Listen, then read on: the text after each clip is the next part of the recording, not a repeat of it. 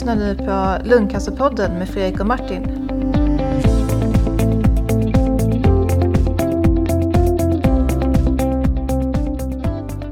Hej och välkomna till Lungcancerpodden. Ja, ny vecka och ny lungcancerpodd. Och som vanligt har vi Martin med. Tjena Martin! Hallå! Hur är läget?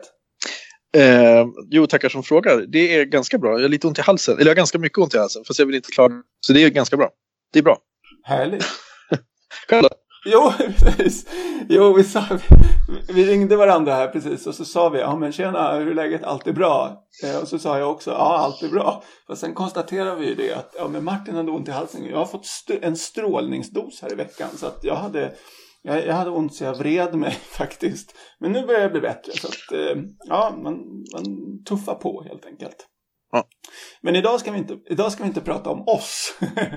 eh, utan vi ska faktiskt eh, prata om hospice. Eh, och vi har med oss sjuksköterska Sofie Graf Myrhed och överläkare Kerstin Berglind från Ersta Hospice. Tjena!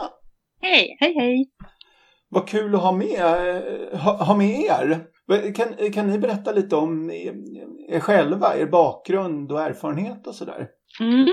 Ja, som sagt, eh, jag är läkare då och eh, arbetar som överläkare och medicinskt ansvarig läkare på Ersta hospice. Eh, jag har arbetat eh, på onkologisk klinik här i Stockholm tidigare ehm, och sen har jag arbetat med palliativ vård här på Ersta. Eh, både med avancerad hemsjukvård då och på hospice sedan 2009. Mm, och jag heter Sofie och eh, arbetar som sjuksköterska här på hospice. Eh, och jag har jobbat här i sex år, så det blir sedan 2011. Mm. Ersta heter det, ja. E-, e-, Ersta diakoni är samlingsnamnet för hela ert sjukhusområde vad jag förstår. E-, är det något, det, det, vad jag förstår så är diakoni, det är något grekiskt ord som betyder tjänst men används mest eh, kyrkligt. Hur är, hur är det här kopplat till Ersta? Ja, alltså Ersta diakoni består ju liksom av flera, flera olika delar. Då. Vi har ju dels ett sjukhus, ett vanligt sjukhus med kirurgi och medicinklinik. Vi har också vård för hemlösa och så vår hospiceklinik. Men vi har också en kyrka faktiskt. Mm. Eh, och sen har vi, vi har särskilt boende för äldre och olika verksamheter som bedriver icke vinstdrivande verksamhet då. Mm under paraplyet då, Ersta diakoni. Precis, och det var på, i mitten av 1800-talet så var det eh, diakonister som startade Ersta diakoni. Ah. Eh, och start, började bedriva vård där och sen har det fortsatt under de här eh, ja, över lite mer än 150 åren. Ah. Så det är det som är kvar. Men vi bedriver, vi bedriver sjukvård på uppdrag av Stockholms läns landsting då. då. Vad, vad egentligen, och det här hospice-begreppet, vad, eh, det, det, låter, det, låter ju inte, det låter ju inte jättesvenskt. Eh, vad är det och vad, vad kommer det ifrån? Det, finns det någon historia bakom det där? Eh, själva ordet hospice, eh, det är gammalt och kommer från, det började man använda redan på medeltiden. Eh, och då var det eh, ett härberge som man öppnade för pilgrimer. Så det finns ju säkert en lång historia om det, som den kan inte så detaljerat. Men ordet betyder rum för resande. Ah. Men sen så, det, det är ju mer ordet då, men sen hela hospice, vår, själva vården, eh, om man kan säga den moderna hospicerörelsen, den startade på 1960-talet i England. Och då var det en kvinna som hette Cicely Saunders. Som hon var först sjuksköterska och sen så utbildade hon sig till läkare. Och hon startade det första hospicet i London 1967. Och det är också utifrån, därifrån då som sen den hospicefilosofin har spridits över hela världen. Ja, för det finns alltså, men eh, ja precis oavsett så finns det alltså flera hospice. Ersta hospice är inte det enda utan det finns eh, massvis, kan man säga massvis av hospice runt om i landet? Det finns flera hospice i Stockholm och det finns i landet, ja det mm. gör det. Mm. Jag tror i avsnitt 12 då pratade vi med eh, Mikaela Lutman som är överläkare på Stockholms sjukhem om eh, ASIH. Mm. Eh, och det är så att ni, eh, eh ni kör också ASIH va, vad jag förstår? Absolut, det gör vi. Mm. Mm. Ja, just det. Så det är liksom, och, och de kör ju också hospice då, eller en palliativ, de har en palliativ avdelning tror jag. Ja, man kallar ju det hospice här på Ersta och det är ett gammalt namn, men, men egentligen så är det ju specialiserad palliativ slutenvård som vi alla bedriver. Mm. Vissa heter ju då palliativa vårdavdelningar och andra heter hospice. Mm. Men, men är det några speciella kriterier som, som man ska leva upp till för att få kalla sig hospice istället för en palliativ avdelning? Eller är det mera så att säga, att begreppet man använder?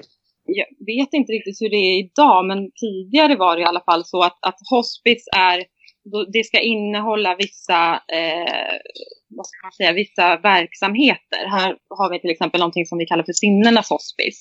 Det berör till exempel eh, att man får taktil beröring, eh, att vi har vårdhundar, att man har en träningsgrupp, att man får delta i någonting som heter skapande verkstad en gång i veckan. Och vi har volontärer som bakar och sen eh, olika artister som kommer hit och spelar musik. Mm. mm. Eh, så det ska liksom finnas med i ett hospice. Man ska ha möjlighet att komma ut till exempel även om man ligger i säng och så vidare. Mm. Men uppdraget från landstinget det är likadant oavsett om man har en, eh, kallar sig för en, en specialiserad palliativ slutenvårdsavdelning eller om det är ett hospice. Ja, jag var faktiskt uppe och gick där hos er häromdagen. Jag bor i krokarna på Södermalm så jag var uppe här på Fjällgatan och, och tittade till er faktiskt. Det ligger ju jättefint där i, i, i miljön och ja, det är verkligen otroligt läge ni har. Ja. ja, det är det. Jättefint. Verkligen. Och det är en för, många tycker att det är väldigt skönt att det ligger så här centralt också. Att man mm. kan åka. Det är enkelt att ta sig. Mm. Vad, vad, eh, vad är det då eh, för människor som, eh, som eh, tar sig till hospice? Ni har eh, runt 20 stycken patienter vad jag förstår. Ja, vad, vad är det för patienter helt enkelt? Eh, hur går det till liksom att folk kommer till er? Mm. Eh, man kommer på remiss ända från sin hemsjukvårdsdoktor då, kanske ASIH eller primärvården. Eller också från ett, ett akutsjukhus. Vi, vi tar ju in från hela, hela Stockholm. Eh, men vi prioriterar patienter som har sjukvård i hemmet för att de ska slippa åka till, till ett akutsjukhus. Eh, men man kommer till hospice för att få behandling för svåra och komplexa symptom som, som man inte kan hantera hemma eller på akutsjukhus. Men man kan också faktiskt få en tidsvård här eh, för att styra upp de här symptomen och sen komma hem igen. Eller också då kommer man eh, för vård sin sista tid i livet. Och, eh, och om alla har möjlighet, ja, jag kan nog säga så att det är ju behovet som styr om man, man får, får eh, komma hit på remiss. Och det är ju de här två sakerna, vård i livets slutskede eller att man har en komplex symptombild. Upplever ni att ni har möjlighet att uppfylla det uppdraget som, som eh, ni vill så att säga? För, för jag upplever ju ofta eh, med, min, med, mina patienter att, att vi kommer in med hospice kanske för sent i, i eh, livet, att man inte har möjlighet riktigt att tillgodogöra sig den här eh, lite mer holistiska biten som finns med, med hospice.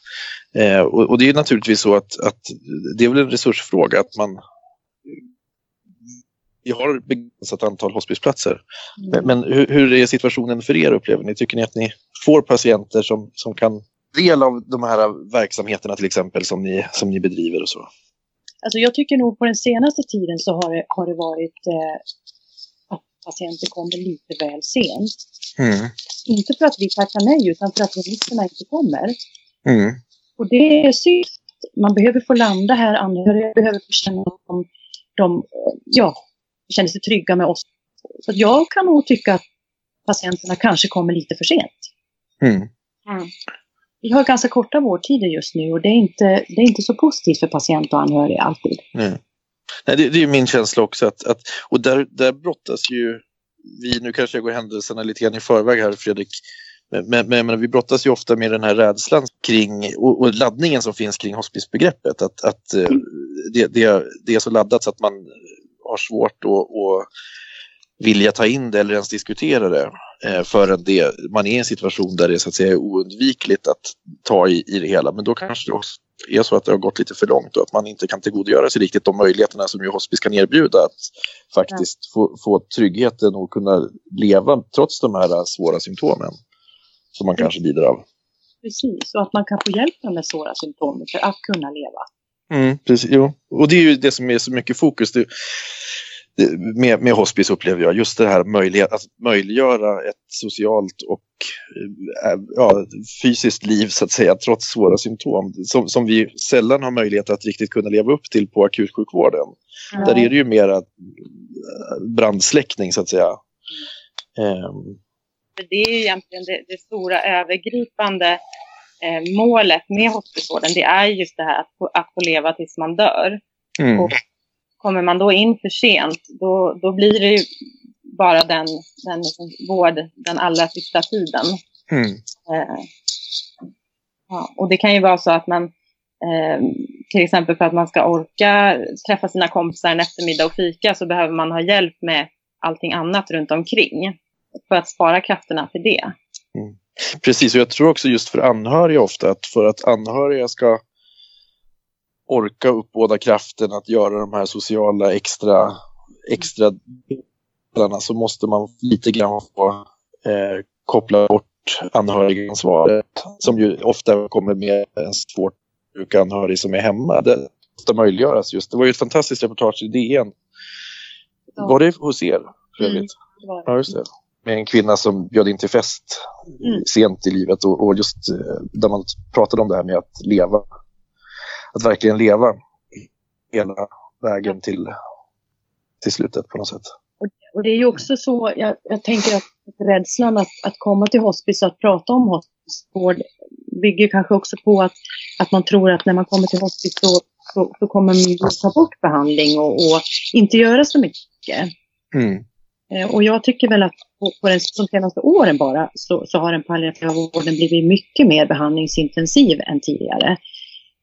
Våra palliativa patienter har, har fler behandlingar, både cytostatika och immunterapi, så, så förändras ju vården här också. Mm. De får mer aktiva åtgärder än tidigare och vi handlägger ganska mycket komplexa symptom mm. som allvarliga infektioner och elektrolytrubbningar, alltså saltbalansrubbningar och, och mm och ger både dropp och intravenös antibiotika och olika saker. Så det, det görs ganska mycket här. Eh, eh, men allt ska syfta till att patienten ska få en bättre dag. Precis. Ja, och det, det, jag tror det är jätteviktigt just för oss som arbetar med patienterna inom alltså mottagningsverksamheten, den mera aktiva onkologiska behandlingen, att, att, att möjligheten finns och att man har öppnat lite grann för det här mera, mera behandlingsbenägenheten. För vissa patienter både för att våga ta steget att faktiskt acceptera hospicevård så, så vill man kunna veta att möjligheten att bli hemskriven till exempel finns. Och, men det är ju självklart, fast det är inte så att jag tror alla vet om att möjligheten att bli hemskriven för hospice finns. Att säga. Mm. Och också det att, att, att man faktiskt kan eh, på grund av att det, gagnar patienten sätta in en, en ganska aktiv intravenös antibiotikabehandling till exempel för att man ska få förlänga livet och förbättra, förbättra eh, livskvaliteten så att säga. Eh, och, och, att det inte bara är så att man, man så att säga, kommer dit för att dö så snabbt som möjligt utan det handlar om att, att kunna leva så bra som möjligt med den sjukdom man har. Det kan ju vara just det här att man behöver komma in kanske två veckor för att få kontroll på smärta till exempel och sen så åker man hem igen. Det är ju många som, som har det så. Okej, okay, så det är lite, man, man, kan tänka hospice att när, när det blir liksom för tungt och, och dra det här lasset eh, av ens anhöriga eller själv hemma, då har man liksom, eh, ja då är det ett bra, en bra sak. Så att Ja, precis. Och det är ju, vi tittar ju mycket på, på det medicinska naturligtvis, men vi tittar också på helhetsbilden. Hur tung är helheten för den här personen och för den här familjen? Mm. För det ingår ju också i vår vård. Vi aktivt stöttar ju familjen. Eh, både, både barn och, och föräldrar och eh, sambo, gifta. Och vänner. Och vänner. Mm. Att vi, både under sjukdomstiden och, och efteråt. Ja, det låter ju verkligen eh, jättefint. Vad, jag vet ASIH där. Jag hade ASIH i början när jag blev sjuk när jag gick på cytostatika och sånt. Men sen blev jag faktiskt utskriven från det för jag kände inte att jag hade behov. Men eh, jag menar som ASIH och hospice så finns det säkert folk som, som väljer att inte åka till ett hospice utan som, som ehm, jag menar håller ut till sista andetaget hemma. Eller vad man ska säga. Vad, vad, vad, hur gör folk helt enkelt? Det, är ganska, det är ganska många som, som väljer att vara kvar hemma för att få tillbringa sin värdefulla sista tid med sin familj. Och det är ju absolut möjligt med hjälp av ASIH. Men ASIH kan ju göra hembesök flera gånger per dygn, eh, både dag och natt vid behov. Samma typ av vård fast i hemmet då. Man ska slippa, om det, om det går, så ska man slippa och få, behöva åka till akuten. Eh, om, det är någon, om det är någonting som man kan ta direkt på en palliativ avdelning eller på ett hospice. Ja. Och, det, och det är just en sån här, för det, för det är ju en av de, som jag upplever mina patienter, de största otryggheterna, det här att veta att, att man tvingas åka till akutmottagningen. För tyvärr har det blivit så att akutmottagningen i Sverige har utvecklats till liksom någon form av ändlöst eh, väntrum där man, där man eh, ligger på en hård brits och det, det är stressigt och obehagligt. Så att just det här att eh, få slippa, veta att man har någon som tar hand om en. Vi brukar kunna göra direktinläggningar här till onkologen till exempel av våra patienter, vilket ju känns, gör att patienterna faktiskt vågar ta kontakt även nattetid så att säga och inte väntar tills de är jätte jättesjuka och sköra efter en helg eller efter en natt så att säga. Eh, just för att man så gärna slipper åka till akutmottagning och det är ju oerhört tragiskt att det är så. Men eh, jag tror det är jätteviktigt just den möjligheten att veta att komma in till sjukvården och få omhändertagande av någon som har koll på situationen mm. snabbt så att säga. Verkligen, ja otroligt eh, bra jobb som ni gör och viktigt.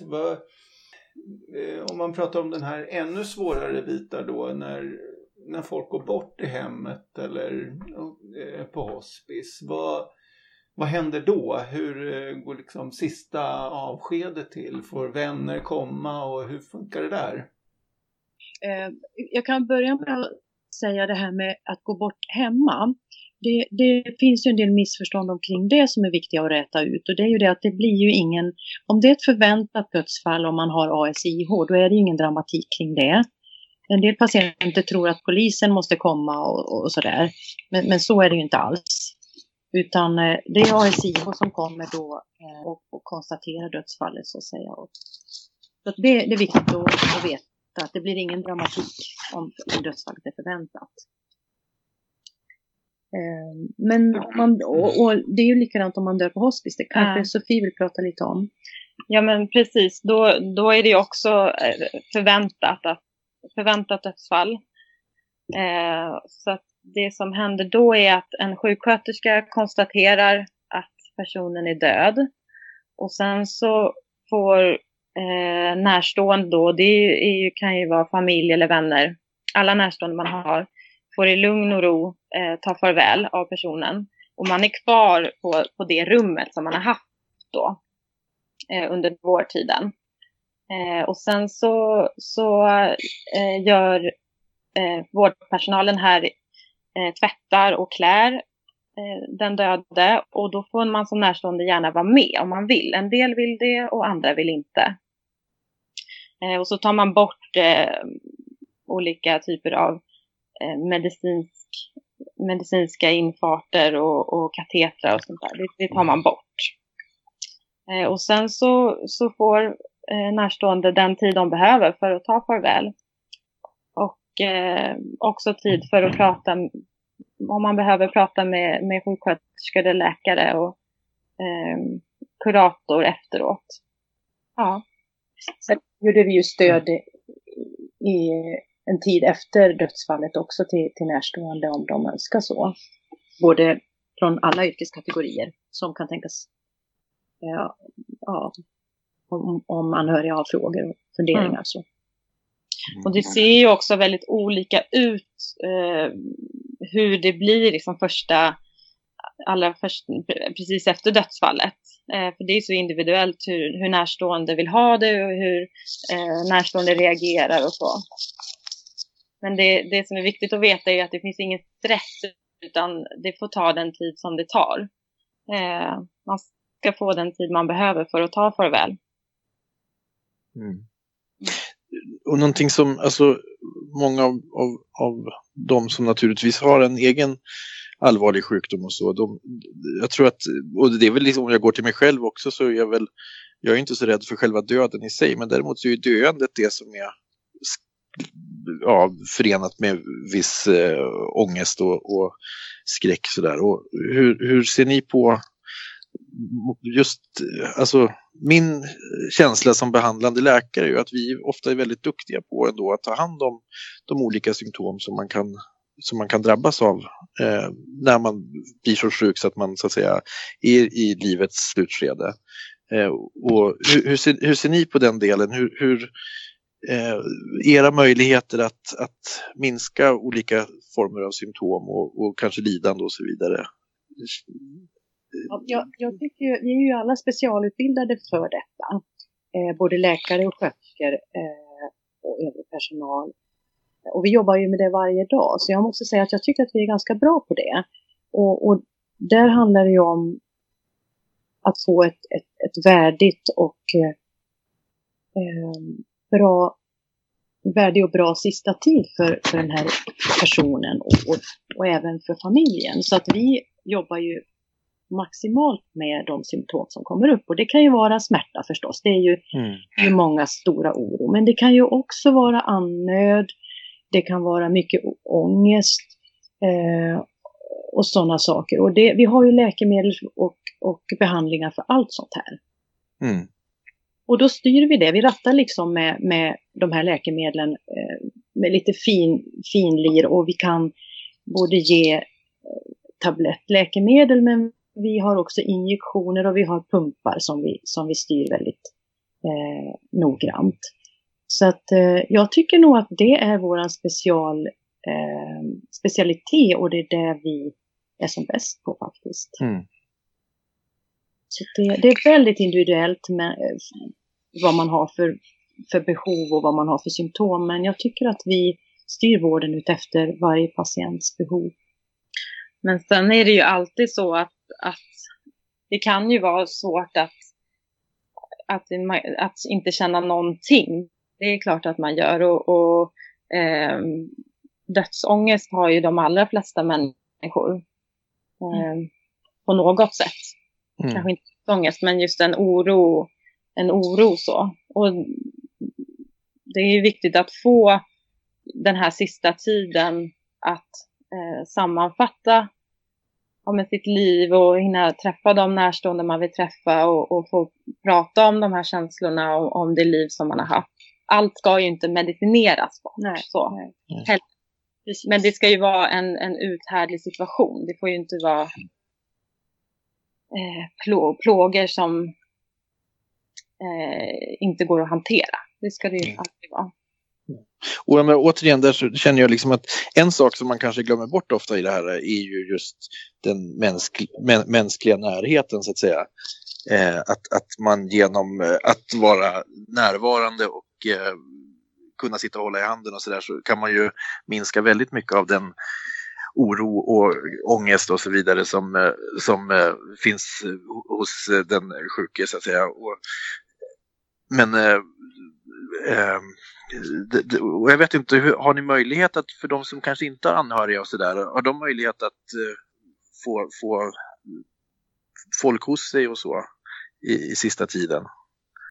Det ser säkert olika ut på olika ställen, men jag tror att de, de allra flesta eh, har inte, om man ska säga att man sätter in bak, mm. eh, så att det är hela tiden på rummet, men det har vi inte, men däremot så är det ju om man inte har någon närstående hos sig så har vi täta, täta tillsyner och mm. närvaro som det bara går.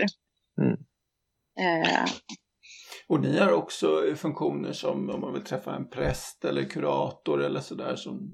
Vi jobbar ju i team här. Eh, och eh, då har vi, då är det läkare, sjuksköterskor, undersköterskor, kurator, präst och arbetsterapeut och fysioterapeut. Alla professionerna finns. Mm. Och kopplas in efter behov då så att säga, hur, hur, hur det ser ut hos patienten? Ja men precis, det kan man säga. Mm. Jag såg att anhöriga också eh, möjlighet att övernatta på eh, hospice ibland. Ja. Är det så hos er också? Precis, vi har fria besökstider för både anhöriga och, och hundar och, och så. Eh, och sen så har vi sängar och övernattningsmöjligheter både på rummen och, och så har vi ett rum utanför avdelningen också där man ja. kan få sova. Jaha, får, får, man ta med sig sin katt om man har en katt till exempel? Ja, man håller den på rummet kanske. Kan, Vad säger du Sofie? Eh, ja, katter är ju undantag. Eh, det är tydligen så att allergiker ofta är, kan, är känsligare för just katter. Men det är en och annan katt här också. Och hur är stämningen? För det är väl också sånt där som man kan känna, tror jag, många liksom att hur är stämningen i, i allmänna utrymmen och, och, och sådär, upplever ni? Jag skulle säga att det är en väldigt lugn stämning. Mm. Eh, Det är ju en stor skillnad från akutavdelningar. Just av den anledningen att det, det känns lugnt när man kommer in här. Eh, Och en... Ja, vad ska man säga? Sen har vi ju, alltså det är ju, det är ju lugn stämning men det är också lite mer hemlikt. Vi har ju volontärer som bakar bullar här med jämna mellanrum så det sprider sig lite bulldoft. Mm. Sen har vi volontärer som spelar musik, eh, piano och har konserter så att det är klart det blir ju lite, det blir en annan känsla. Sen, sen finns det ju en lekhörna för barnen och då, då pysslas det på där. Vi har ett ganska stort dagrum med matbord och soffhörna med tv och så, så då blir det lite häng där för den som vill. Så det är ju, det är ju lite mera hemlikt, men jag håller med Sofie, det är en lugn känsla här. Mm. Och sen så är det såklart att det kan vara, vara sorgligt och det kan vara människor som eh, gråter och, och så. så att, att, eh, men också mycket glädje. Ja. Det är en, en, en Mm. ja. Är det så att man eh, kan umgås och prata anhöriga emellan och sådär, alltså att det uppstår sådana möten?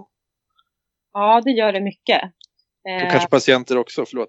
Ja, patienter också. Ehm, om, och, så, om, man, om man vill då. Det, det får ju Mm. närstående patienter själva.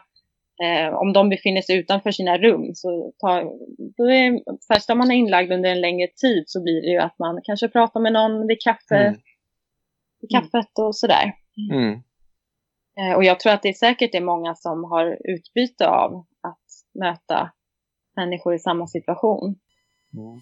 Jo, precis. Och det kan jag tänka mig att det finns just den här att man faktiskt vetskapen. Jag kan tänka mig att lite grann tabut kring, kring den palliativa vården är bruten i och med att man så att säga har accepterat hospicevård. På en Mm. onkologisk avdelning så är det ofta så att man är lite blandad. De som är väldigt långt framskridna i sin, i sin sjukdom och de som kanske är inne för en, en kurativ strålbehandling som är tuff eller sådär. Och där tror jag att det kan vara ganska svårt att, att mötas i ett sådant samtal just utifrån att man inte riktigt vet vad den andra är i för situation och sådär. Men, men att på ett, en hospiceavdelning kan jag tänka mig att, att det blir lättare, att man kanske lättare pratar med, med rums, ja, nu har man väl enskilda rum, men, men när man träffas och, och liksom stämmer av läget lite grann och sådär.